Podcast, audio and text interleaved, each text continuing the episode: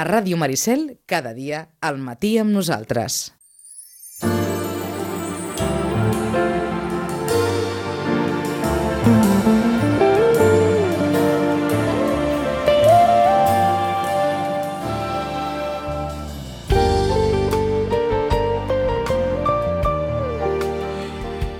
Amb el suport de la representació de la Comissió Europea a Barcelona, l'Oficina del Parlament Europeu a Barcelona, la Secretaria d'Afers Exteriors de la Generalitat, la Diputació de Barcelona i l'Ajuntament de Sitges, benvinguts a una nova edició de l'Hora d'Europa.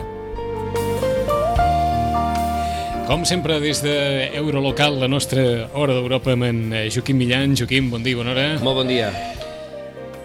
Alguna cosa podem afegir a tot allò que ja s'ha afegit sobre la crisi de l'Unió i sobre la situació actual de l'economia de la Unió Europea? Bueno, jo només diria tres coses que extrauria de, dels últims dies dels mitjans de comunicació. Una entrevista que va fer el senyor Delors va dir que mm, des que ell té raó de tot el projecte europeu era la, una de les crisis més importants no només per l'aspecte financer econòmic, sinó també de qüestionament de com funciona la Unió Europea. Aquesta Unió Europea que també ha crescut eh, en els últims anys, que ja ho han dit més d'una vegada, eh, a 27 estats membres, i que això encara ho estem païnt, i amb la crisi païnt malament, no? tot s'ha de dir de pas. No? Per tant, el Delors ja deia això, i també afegia no esperem que Alemanya i França fagin de bombers perquè ni tan sols ells dos ens podran treure del foc. És a dir, aquí ens haurem de fer de bombers tots, no? Eh, deia, feia aquesta, aquest exemple, no? de dir, bueno, hi ha el foc, però no esperem que Alemanya i França són molt importants, però mm, tampoc sols ens en podrem sortir. I això és veritat, també, en part. No? Això una primera qüestió que penso que mm, cal eh, un senyor com el Delors que digui això vol dir que hi ha una reflexió al darrere molt important i per tant en aquest sentit deixar-ho sobre la taula perquè també puguem reflexionar nosaltres mateixos amb, amb aquests comentaris. Un segon tema més de, que també sortit als mitjans de comunicació, és veure com, en un moment donat, eh, amb aquesta crisi, eh, i per tant, eh, no només financera i econòmica, sinó també dels valors europeus, veiem com s'estan canviant governs i presidents de govern sense anar a eleccions, sense que tan sols l'oposició del país digui res i que la ciutadania està assistint a, a dir, eh, per exemple, ho veiem ara amb Itàlia, no? fa 20 dies l'oposició li demanava a Berlusconi que dimitís, ell deia que ha l'art, de tot cop la trucada famosa dimiteix corrent i a més la foto el dia següent que serà un tal senyor Monti hm? el que teòricament ha de ser el president i aquí qui l'ha escollit Uh -huh. Ni tan un home de Goldman Sachs. Exacte, no? Qui l'ha escollit? I, i, I a partir d'aquí sembla que tots ens hem de posar d'acord amb governs de concentració a darrere a Itàlia i el senyor Monti, uh -huh. bueno, però això fa poc va, també va passar a Grècia. Aquí tenim unes eleccions dintre quatre dies, però tothom sap que què, què passarà? Bueno, tothom fa la broma de dir, bueno, guanyi qui guanyi, hi haurà la trucada famosa per saber uh -huh. què farem. Sí, sí, i en qualsevol cas... A Portugal ha passat el mateix. El candidat eh, més ben posat, Mariano Rajoy, ha dit que sobre la taula pot plantejar un govern amb tecnòcrates, que és aquesta figura emergent. El que estan demanant. De, de, de diguem-ne, professionals sense massa adscripció ideològica. Bons gestors, etc. Bons gestors, etc. etc. eh? etc. en principi tot, Bueno, clar, ho diu per convicció o ho diu perquè aquesta és la, la, mm -hmm. la música que sona Però o sí que, que quina, li fan sonar, Quina no? qüestió que ens ha passat, eh? Han clar. canviat presidents de govern sense passar per unes eleccions. Imagina't. Així Nosaltres, aquest estiu vam canviar la Constitució intocable amb, amb un procés que resulta que era d'urgència eh, també, sí, que sí, era sí, tampoc, sí. es podia haver fet mai i, i no passa res. Per, per tant, estem assistint també no només una crisi eh, diguem-ne financera econòmica que ens està portant a una crisi de valors, una crisi de, també de, de, jo diria, de, de transparència, democràcia, etc etc. I a mi aquest punt em preocupa personalment perquè Europa fins ara havíem dit això de la Unió Europea és eh, un nexe de mm -hmm. democràcia, progrés sí, sí. i pau. No? I tothom ara... hi té un paper i les decisions i, han de ser conjuntament. I molts països anàvem a donar ah. exemple. No, mira, és que la democràcia és això. Tal. Doncs ara tampoc podrem donar massa exemples. Té un punt eh, de paradoxal això, tant Clar. que havíem parlat de la Constitució Europea i que no hi havia manera que tothom ha d'estar d'acord perquè si no això ah. no s'aprova i resulta que anem, anem veient com van saltant els primers ministres sense, sense per tant, massa... jo un apunt, un apunt que deixo també com a segona reflexió I, el, i la dia. tercera quina seria? I, i la tercera seria que, mm, bàsicament també, i ho diuen els mitjans de comunicació i també els experts, passa que no s'atreveixen a dir-ho massa fort, perquè clar, ara el que s'ha de fer és, els mercats, els mercats són els culpables de tot, i en part, són, en, en part és veritat, però també hem de començar a pensar de que eh, tots tenim un grau de responsabilitat, un, jo, jo culpa no, no, no es tracta de buscar culpes, però sí també un grau de responsabilitat perquè certes coses que han passat els últims anys també nosaltres hem deixat que passessin o hem fet la vista, allò que se'n diu la vista gorda, no? I per tant ara també estem, hem d'assumir també la part de dir, mm, mm, com deia l'altre dia una senyora en una, en una tertúlia que vaig assistir, no, bueno, doncs que l'Estat posi els diners que l'Estat faci. No, aquí resulta que la, la, la solució també passa perquè tots tinguem un punt de remengança, no? I això és un altre tema que estem veient, que mm, la crisi no s'ha originat igual a tots els països, no s'està solventant igual a tots els països i la solució no es planteja igual a tots els països de la Unió Europea. I per tant, allò aquí hauríem d'intentar també nosaltres veure de quina manera sortim per tindre un teixit econòmic, empresarial, de petita i mitjana empresa, etc etc, mínimament sòlid per eh, remuntar perquè és que si no, no remuntarem. Mm, aquí, aquí és on jo voldria també fer una autoreflexió eh, a nivell eh, així públic, de dir, eh, ens, hem, ens hem de fer mirar tots plegats per veure exactament quin model, i en el cas nostre, doncs aquí a Sitges, Catalunya, mm. Espanya, volem eh, per, perquè ara tenim, tenim l'oportunitat de també crear un altre, un altre tipus d'empreses, per exemple, ara parlarem amb el Pau Solanilla, mm -hmm. doncs, empreses d'energies renovables, empreses amb innovació, etc. Aquí és l'aposta de futur. Una qüestió, però, a partir d'aquesta tercera pota, i a partir del que hagis pogut escoltar uh -huh. eh, eh, aquests dies. És cert que hi ha una Europa que està resolent o li estan sortint més bé les solucions que una altra, uh -huh. segurament perquè les herències també, era, uh -huh. també eren diferents. Això continua sent l'assumpte de l'Europa de les dues velocitats. Tenen raó, en el fons, els que diuen això? En, en, en, part, en part sí, eh? en part sí, perquè després anem a, anem a veure el detall i hi ha països que podrien ser excepcions tant amb la primera velocitat com la segona, però sí que és veritat que veiem a Europa, inclús hi ha qui parla de més de dues velocitats, velocitats. perquè hi ha els despenjats. Eh, per exemple, Directament. Grècia seria, i no vull ara ningú que s'ofengui, uh -huh. Grècia, com altres països, una mica els despenjats, dir, bueno, aquests ho tenen molt malament. Després hi ha els que van lents i després hi ha els que van tirant, no? Vull dir, que no vol dir que vagin tirant bé, uh -huh. però van tirant millor que els altres, no? Perquè, mentit, però no, que has com dit... deia el Groucho Marx, vull dir, vostè com es troba? Depèn de quin company, eh? Perquè Alemanya també té els seus problemes, eh? Mm, I pregunta-li la Merkel, sí, eh? Sí, sí. Per tant, no, què passa? Que comparant, dius, home, pues sembla que ells se'n surten millor, o altres països potser també amb un format més petit, com Dinamarca, Holanda, sembla que se'n surtin millor, etc etc. I no? sembla mentir el cas d'Itàlia, un dels pares de la Unió.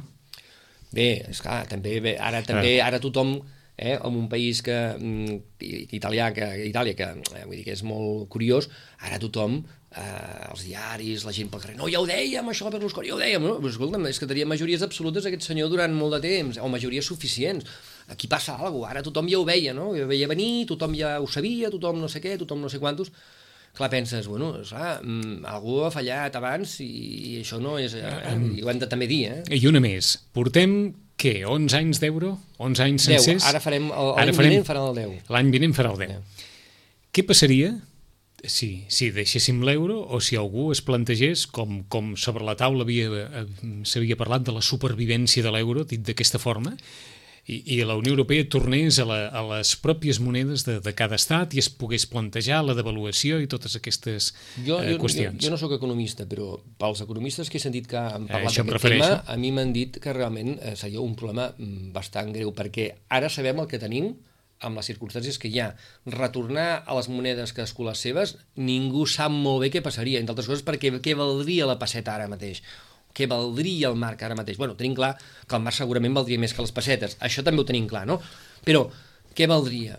I en passeta, com jugaríem en aquest món que ha canviat molt en aquests últims 10 anys? Clar, fa 10 anys han passat moltes coses. Fa 10 anys eh, la Unió Europea eh, jugava a la Champions League, ara juguem la Champions League amb Xina, Rússia i tal, que ja són països amb, que han emergit, no emergents, que han emergit. Per tant, què podríem fer amb la passeta nosaltres amb els mercats? Imagina't, que resulta que ara manen els mercats. Mm -hmm. o sigui, l'ensorrarien en 30 segons, per dir alguna cosa, no? I, i ja veiem els problemes que estem tenint amb una moneda més important com és l'euro, que els atacs són constants, doncs és clar, imagina't, jo no sé, els economistes diuen, mira, el que tenim clar és eh, la certesa del el que està passant ara, amb els problemes que tenim ara, i què és el que hem d'intentar fer per sortir-nos. Ara, tornar a les monedes anteriors, ningú sap el que passaria, per tant, molt més perillós. Ah. Mm, millor no fer-ho.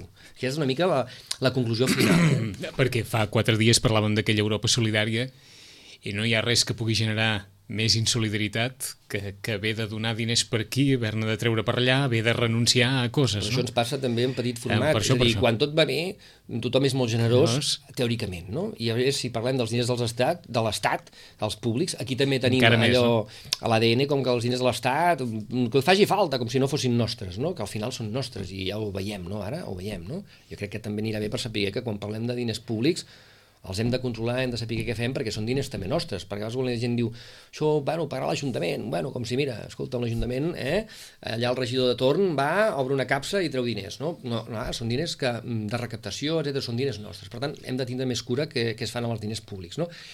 Però, per altra banda, és el que tu deies, no? Jo penso que estem en un moment on realment mm, totes les administracions, i ho veiem ara en aquests moments, eh, les estan passant molt malament perquè, entre altres coses, també venim d'una herència molt concreta que, que ens ha fet molt mal i després a més públic, públicament tots nosaltres és el que tenim, no? la, la, la, la, la solidaritat i la generositat quan les coses van bé és més fàcil. Ara tothom veu el que gasta el veí, veu el que gasta el del llevant, veu el que gasta el poble del costat, els grecs, els grecs amb els alemans, els alemans amb els catalans, els catalans amb els andalusos, els altres... I dir, clar, és molt fàcil llavors fer aquí també comparacions i també a vegades demagògia. Ara, és cert, que clar, hi ha coses que s'han d'arreglar perquè el que no pot ser és també, eh, malgrat la situació actual que ens hauria de fer recapacitar, viure encara amb paràmetres, amb segons quins temes, sembla que vulguem viure amb els paràmetres de quan tenim aquesta bonança, entre cometes, virtual, perquè ja hem vist que a la realitat tothom té socis que són els bancs en crèdits, els bancs amb hipoteca, els bancs... Eh? Això, seria, això també ho hem de tindre al cap. Dos quarts d'onze.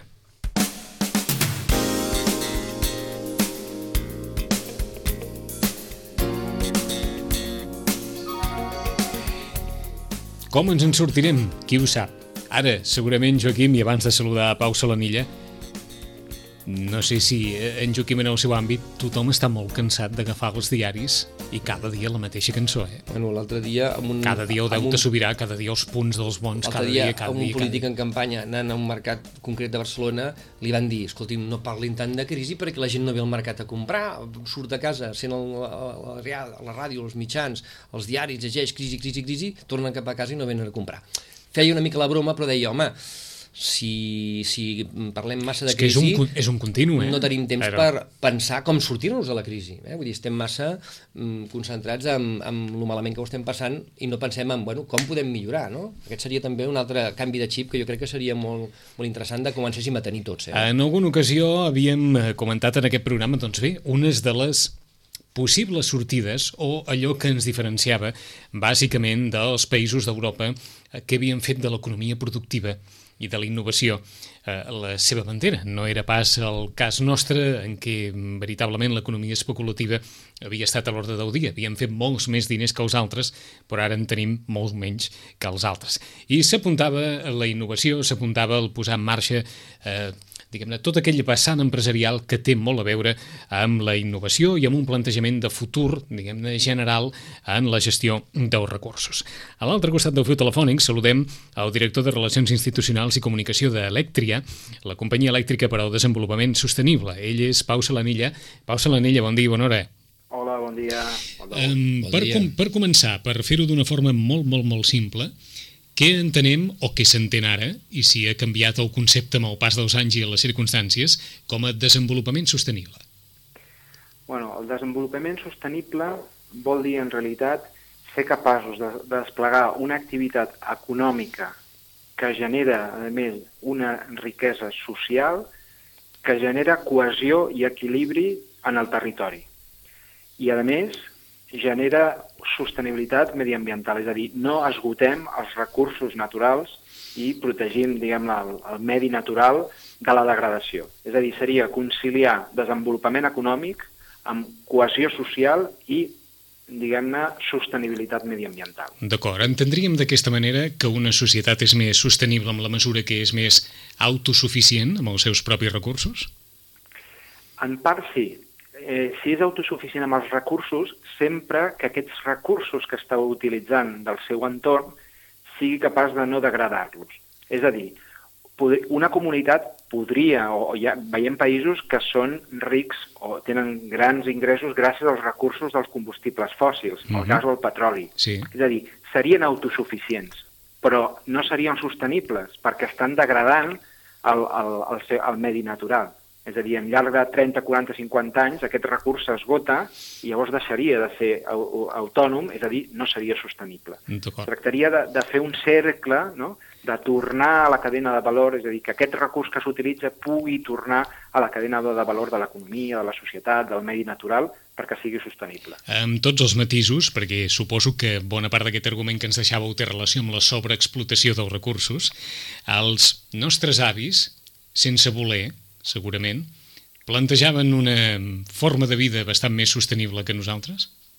Uh, efectivament, efectivament. Nosaltres, la, la, la societat, diguem-ne, desenvolupada dels darrers 50-60 anys, eh, uh, diguem, el, el boom de, del consum ha estat sobretot basat en els combustibles fòssils i sobretot en el petroli i els derivats del petroli, els teixits, eh, tot el plàstic, els cotxes, eh, la indústria, les cases, és a dir, pràcticament tot necessita petroli o gas per ser eh, construït, inclús utilitzat. No? Això, clar, fa, fa 50-60 anys era molt me, menys intens. No? Mm -hmm. I llavors era molt més sostenible. I, per exemple, doncs, la meva família és d'un poble petit, en els pobles petits la gent se'n recordarà on no hi havia eh, pràcticament residus. És a dir, nostres pobles no generaven residus. Ara, avui dia, els mateixos pobles estan generant una sèrie de, de, de quilos de, de residus per, per càpita que fa 50-60 anys no es produïen. Com que molt probablement qui ens escolti deu pensar, home, entre poc i massa, eh, on hi ha l'equilibri?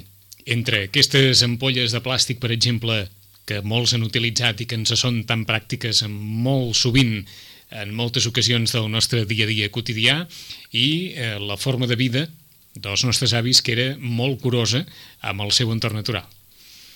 En realitat el que estem dient és que no hem de ser herois, és a dir, no hem de canviar radicalment la nostra societat i el nostre tipus de vida. Entre altres Però sí coses hem- perquè no podríem tampoc, no? Efectivament, Ah. efectivament. Però sí que hi ha, eh, sí que hem de caminar un canvi de, de paradigma, un canvi de paradigma en el sentit de dir, bueno, fem de la necessitat una oportunitat. Si sabem que els recursos es esgoten, mirem de començar, que ja s'està fent en alguns sectors, però hem de produir i consumir d'una forma que els residus que generem tornin a la cadena de valor. És a dir, tot pugui ser reciclat, tot pugui tornar a les fàbriques per ser reutilitzat, i aquí és on entrem en, en l'economia de la innovació i del valor afegit.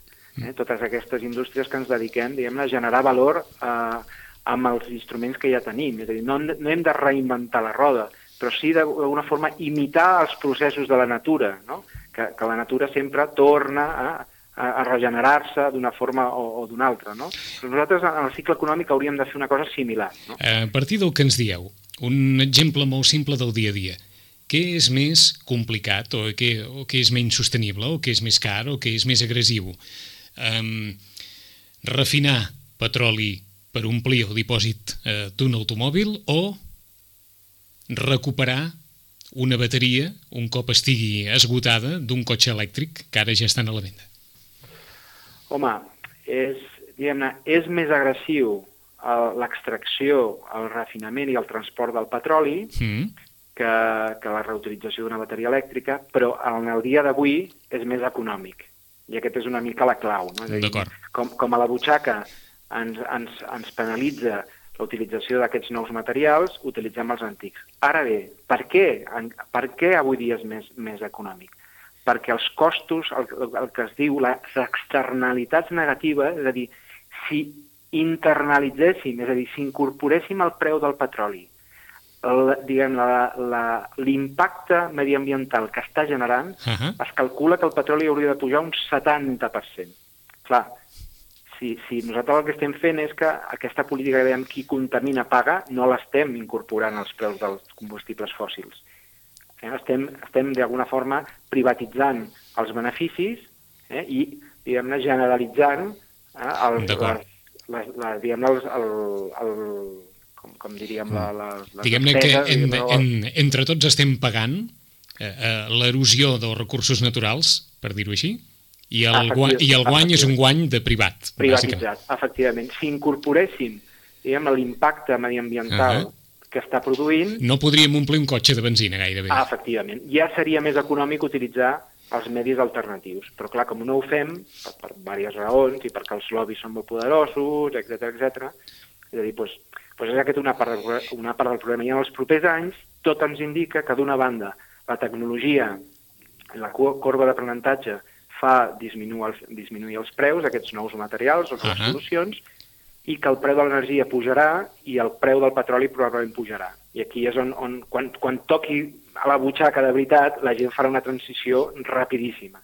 El que passa que, clar, és a dir, no, potser no estem mm. tan preparats com si ho comencéssim a fer com, avui. Com fem en tantes altres coses, no? Senyor ah, efectivament, efectivament. Perquè segurament més d'un deu pensar, home, Eh, la corrent continua pujant, el rebut de la corrent, a la, a la, de la despesa, el cànon de la corrent continua pujant i en canvi ara tenim més possibilitats que abans de poder adquirir en el nostre domicili sistemes perquè el consum d'energia, perquè el consum de corrent sigui molt menor que el de fa 10 anys enrere, per exemple. Efectivament, eh, però la gran partida, o sigui, la, el, el joc sí. es produeix en dos un, que és el del transport, que és el primer, Uh -huh. És el primer sector intensiu en, en energia, en petroli, i el sector és el de la indústria.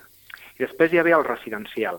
Però, diguem més el transport i la indústria, diguem on està el, on es juga la partida vaja, de veritat. Vaja, vaja. Si un, si un, si un, si, Sitges mateix, sí. no? tots els, els, el, diguem les naus industrials, els equipaments públics, les comunitats de propietaris, si utilitzéssim les taulades, per, per exemple, per fer mini-centrals elèctriques en fotovoltaica, la rendibilitat, a partir de l'any 7, eh, 6-7, ja està rendibilitzat.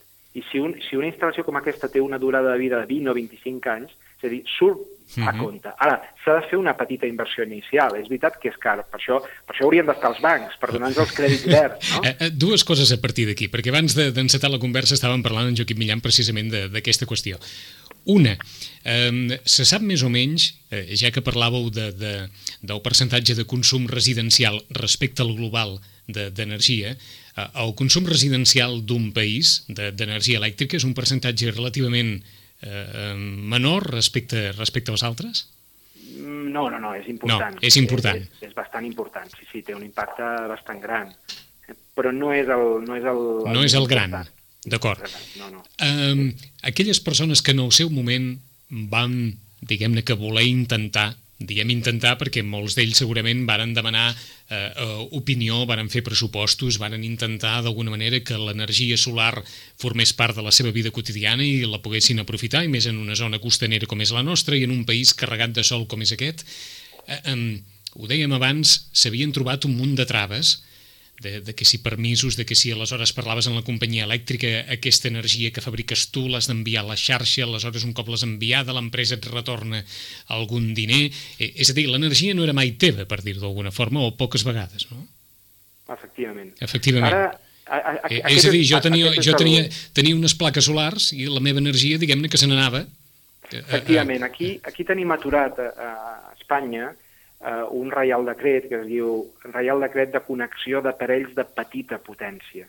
Petita potència que arriba fins a 100 quilowatts. Eh? Caram. Petit, però però Caram. Ja, és, ja és bastant gran. No? A, a casa de ningú hi ha un aparell amb, o hi ha possibilitat de, de 100 quilowatts de... Eh, bueno, és per el que dèiem, per petites indústries, per sí, pimes, sí, sí, que està és clar, el nostre està clar. teixit productiu. No? Està clar, està clar.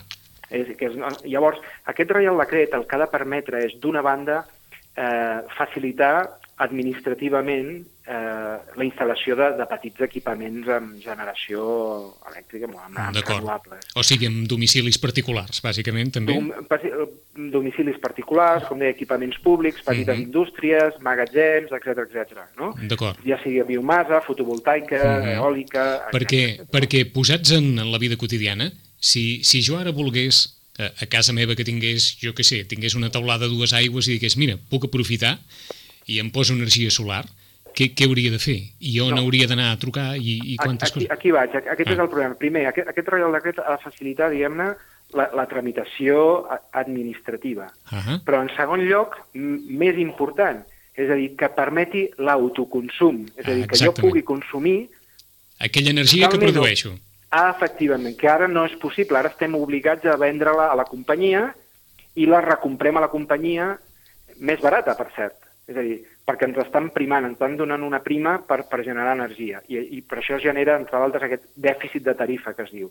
Però diem, no, no, no, jo, jo, jo m'instal·lo, una, Eh, faig una instal·lació, eh, soc és una dir, pime, ja eh, per co- entendre- autoconsumeixo. D'acord, per entendre'n, senyor Solanilla, és a dir, si jo ara tingués plaques solars a casa meva, eh, genero, no sé, genero 10. Aquests 10 van tots a la, a la xarxa elèctrica. Efectivament. I la companyia què em paga per aquests 10? Em paga menys del que jo pagaria si, si els consumís de la pròpia companyia? Bueno, en aquest moment està pagant una mica, està pagant més una mica més del que, del que jo... D'acord. Del, del, del que jo... Ara, què Diguem- estem fent amb això? Què hem fet amb aquests anys? Hem convertit les renovables en un producte financer. Uh -huh. No Exacte. hem, per, per, no hem, no hem convertit Sí, les sí. renovables en una eina per Mhm. fer un desenvolupament sostenible. D'acord, que ens hem convertit en, en sucursals de la companyia, vaja. Sí, pràcticament. És a dir, En, centres, deien, en petits centres de producció, vaja. És a dir, no, no invertiu en el totxo, D'acord. bueno, invertiu en, com el totxo de la construcció ha col·lapsat, anem a invertir en renovables perquè és un, un, una inversió financera. D'acord, però em refereixo que la companyia no ha fet l'inversió de les meves plaques solars i en canvi la companyia se'n beneficia de la meva producció elèctrica. Eh, en part, sí. En part, sí. Ni, ni tampoc, no, no, perquè no és tan rellevant per la companyia. Perquè, perquè, no, perquè aquest sistema, el, que, com deia vostè molt bé, hi ha una burocràcia darrere, és tan complicat que fa que la gent no entri fàcilment. Ha de, D'acord. a, a, hem de tenir una voluntat de fer-lo. El que hem de fer, com tantes altres coses a la vida, com el reciclatge, hem d'apropar i facilitar a la gent aquesta transició. Perquè què fan pel món? A partir de la vostra experiència, eh, en altres països, què, què Miri, jo s'acostuma li a donaré fer? l'exemple, i amb qui en parlem sovint, d'Alemanya. Ah, Alemanya, com tothom sap, no té una radiació solar com la d'Espanya, la té bastant pitjor. Està clar. Eh? I, I Alemanya té allò que se'n diu el programa de les 100.000 taulades solars. Home, si, si Alemanya, diguem-ne que, que no tenen un pèl de tontos, han apostat per les taulades solars, alguna cosa ens deu dir que alguna pista ens Mhm. dona, no? I allà com funciona, això? Bueno, però com deia, doncs, la eh, taulada solars, jo dic, no només de cases, aquí la clau és, insisteixo, a la, a la PIME, a la petita i mitjana empresa, sobretot, o al- als usos residencials, una Ahà. mica doncs, comunitats de propietaris, etc. Sí. No? Pues, això, un s'instal·la o, o plaques solars, o miniòlic, etc etc, consumeix eh, total o parcialment l'energia Sí. que produeix, si en tenim excedent, perquè no estem a casa a les 3 de la tarda, hi ha radiació solar, i no estem a casa, l'excedent d'energia, perquè aquest és un dels problemes avui de les renovables, que el magatzematge és molt car. L'excedent el, el vertim a la xarxa. D'acord. Ara, si Eh, per és la a dir, perquè ens entengui tothom, no, no hi ha eh, a la nostra pròpia instal·lació no podem tenir un, diguem-ne, una bateria o un acumulador d'en- d'energia tan important per tot el- per tot l'excedent que, que ens pugui donar en determinades ocasions, no? Ho podem fer, però és car. És, massa És molt car d'acord. És a dir, que se'n va, això sí que se'n va directament a la xarxa, però Sí. suposo que passa per un comptador que Ah, assenyala... Bidireccional, Ah, bidireccional. entesos.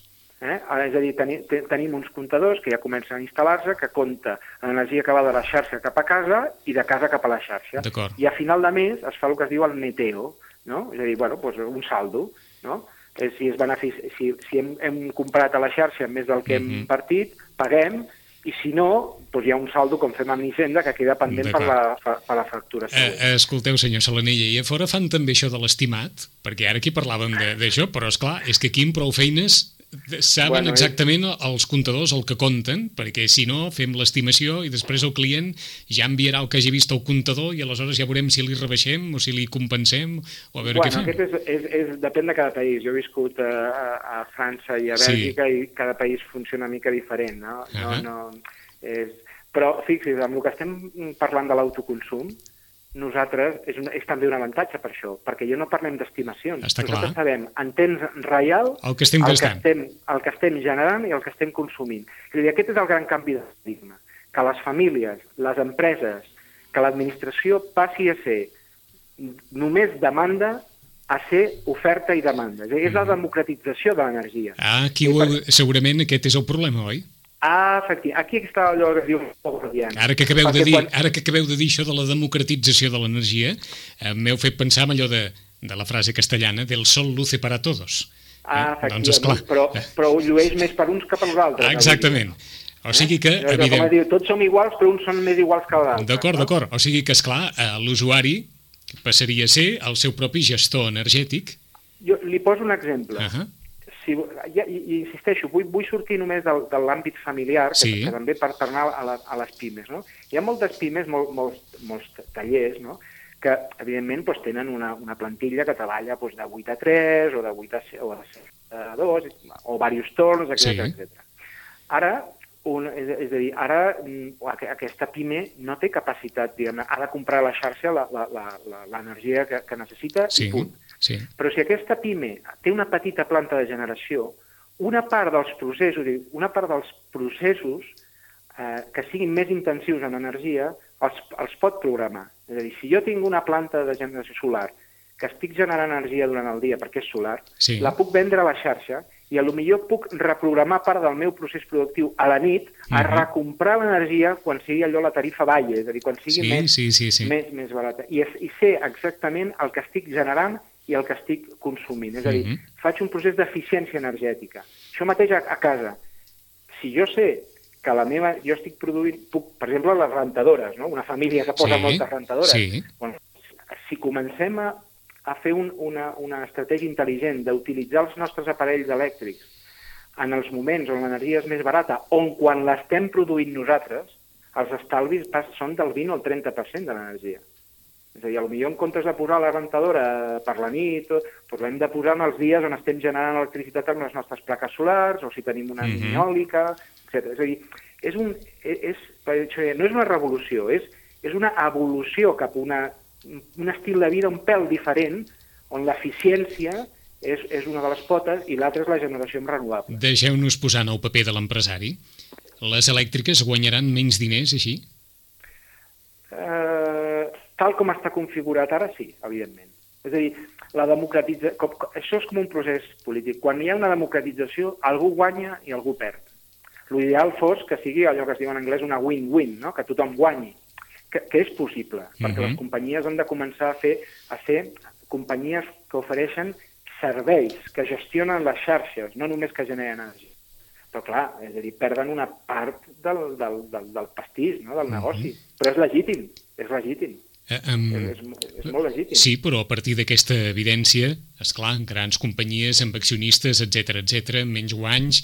mm, Fins a quin punt aquí és possible que aquesta argumentació, mm, mm, diguem-ne, tan lògica, de sentit comú i, i brillant, que seria una proposta futura de democratització de l'energia i de i d'una energia, energia autosuficient per cadascú, es pugui posar en marxa en, en un estat com l'espanyol.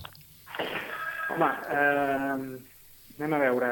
Aquí, els, eh, com a tot arreu, les companyies elèctriques són bastant eh, poderoses, però si aprovéssim aquest Reial Decret que està al calaix i ara no s'ha pogut desenvolupar, Sí, eh, el salt que podríem fer com a país eh, seria molt important als propers, eh, en els propers 5 o 10 anys.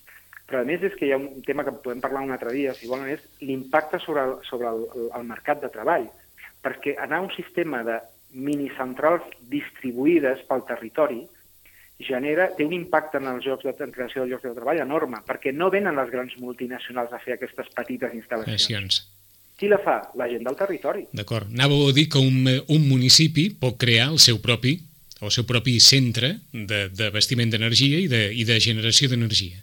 Efectivament, es poden crear noves pimes, cooperatives, Eh, societats, que, petites companyies elèctriques, que era com estaven fa 50 o 60 anys. D'acord, d'acord, d'acord. Sí, sí, és que estem pensant en això, eh? en totes aquelles petites companyies elèctriques que hi havia a la Vall d'Aran, per exemple, Ah, i, que, i que aprofitaven els recursos naturals a cadascuna de les zones, hi havia una petita central amb turbines, etc tal. Però, però ara la tecnologia ens permet fer-ho a les taulades, petits Ahà. molins, la geotèrmia, la biomassa, i, i gestionat per una microred intel·ligent, és a dir, Sitges podria ser, Sí. home, no diria autosuficient, Sí, sí, sí. però bueno, doncs un 30 o un 40% de tota la seva energia en els propers 4 o 5 anys o 10 la, la podria generar. Eh, no- I no- Això què significa? Mm. Instal·lacions, manteniment, eh, llocs de treball... No, no us sona una mica utòpic, això, ara? Home, però és que l'utopia l'utopia és, una, és, és una direcció de la vida. És a dir, eh, algú ens anava a dir... Jo estic parlant amb vostès des del meu mòbil. Sí. Fa 20 anys algú s'imaginava que jo pogués parlar amb el mòbil amb vostès No, i no ni- estar enganxat d'un fil? Mm -hmm. Ni que pogués saltar el govern d'Egipte gràcies als telèfons efectivament. mòbils, vaja. Ah, efectivament. Sí, és a dir, no, no, la història no ens ha demostrat que hi ha tantes utopies que s'han fet realitat.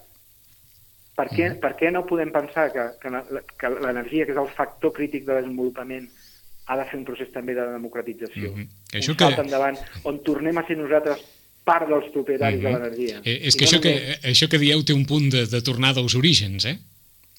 Bueno, és que jo Vaja, que com, la- com aquells que podrien dir, doncs bé, si tinguéssim encara terrenys i si tinguéssim pagesos, doncs cada, cada territori podria ser autosuficient des del punt de vista d'alimentació en bona part dels casos.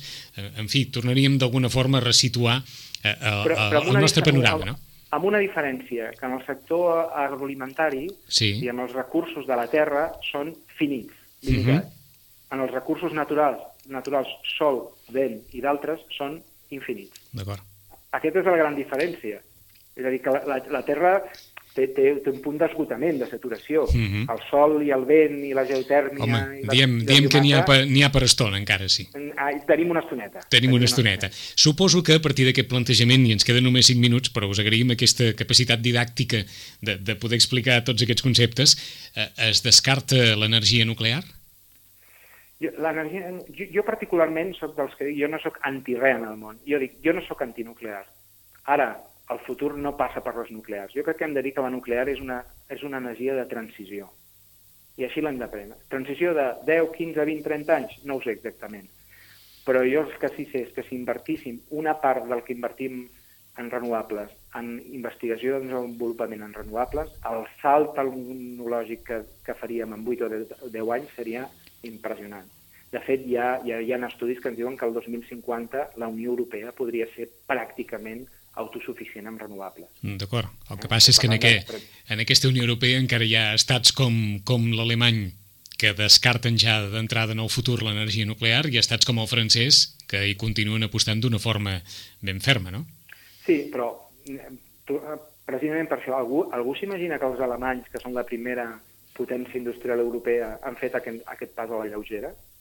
No deu, no deu haver, a veure darrere una visió estratègica? Uh -huh. Jo ho deixo aquí damunt la taula, Sí, sí, és un sí, tema sí. complex, però els alemanys han fet aquest pas d'una forma inconscient, accelerada, irracional, o, o han vist que el futur passa en bona part per aquí i volen prendre, diguem-ne, un pas endavant, vol- volen tenir un avantatge competitiva. Uh -huh. Jo crec que és un tema de reflexió. Eh? Jo, jo crec que els alemanys no són dels que improvisen dia sí dia també. Em sembla que aquestes alçades la majoria de persones coincidiran amb vostè. Què és l'agenda 2020 europea? és, és, és l'intent de la Unió Europea de fer una fulla de ruta una, cap a aquest futur que ha de conciliar una, un creixement innovador, és a dir, explotar el potencial de les noves tecnologies, conciliant amb un creixement sostenible, és a dir, el, com diuen els francesos, el, maria, el mariage, no? el matrimoni entre tecnologia i sostenibilitat, i en tercer lloc la cohesió social, la integració, el creixement eh, integrador. És a dir, no podem imaginar una Europa que no creixi tecnològicament, que no protegeixi el medi ambient i que no integri a la seva gent, que tingui cohesió social. Aquest és, és una fulla de ruta. No? És, un, és, un, és un marc que, que, un marc de joc. És com un partit de futbol on les línies del terreny de joc són aquestes i nosaltres hem de jugar dintre. I dependrà de la nostra intel·ligència, desenvolupar allò els territoris i les ciutats intel·ligents, eh, si ho sabem aprofitar o no. I els territoris seran intel·ligents si els polítics i els seus ciutadans ho són. Això no es fa per decret. O- Us apuntem encara una qüestió més en aquest minut final, però encara aquesta Europa paga pel carbó perquè hi ha molts llocs de treball en joc encara, no? Sí, segurament el que hauríem de fer és, en comptes de pagar eh, les subvencions pel carbó, és fer una política agressiva i instal·lar fàbriques de pales eh, o, de, o, de, o de mòduls eh, en aquestes zones mineres. No? Mhm. És a dir, fer una, una política més, més agressiva. No? Jo Mhm. crec que és, és un tema complicat i que en, en un minut no es pot, No, no es pot fer evidentment.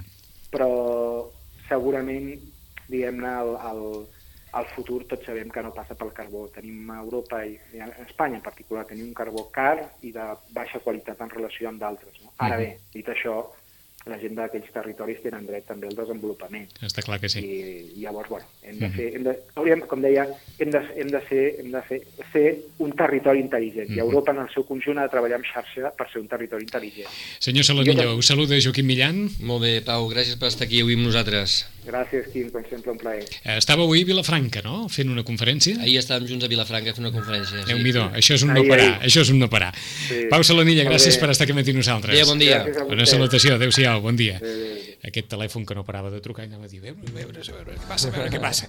Potser era d'una elèctrica, vagin a saber. Però una reflexió interessant Que ja es aquesta, eh, per acabar, que, que ja es queixava. És a dir, hi ha la tecnologia suficient per proposar que els particulars en comunitats de veïns, en, en com petites sigui, i mitjanes empreses, en petites etcètera, i mitjanes siguem empreses, amb una part important. Recordem que a Europa, en aquest conjunt de 27 estats membres, 500 milions d'habitants, som quasi un 80% dependents de tercers energèticament parlant, eh? Ja sabem el senyor Putin quan s'enfada, Sí, sí, nosaltres sí. amb el gas d'Argèlia, etc etc etc. És una bona consideració per acabar. Avui que hem conversat amb Pau Salanilla, Joaquim, gràcies A una vosaltres. vegada més. En un mes tornarà a l'hora d'Europa i nosaltres en 5 minuts. Fins ara.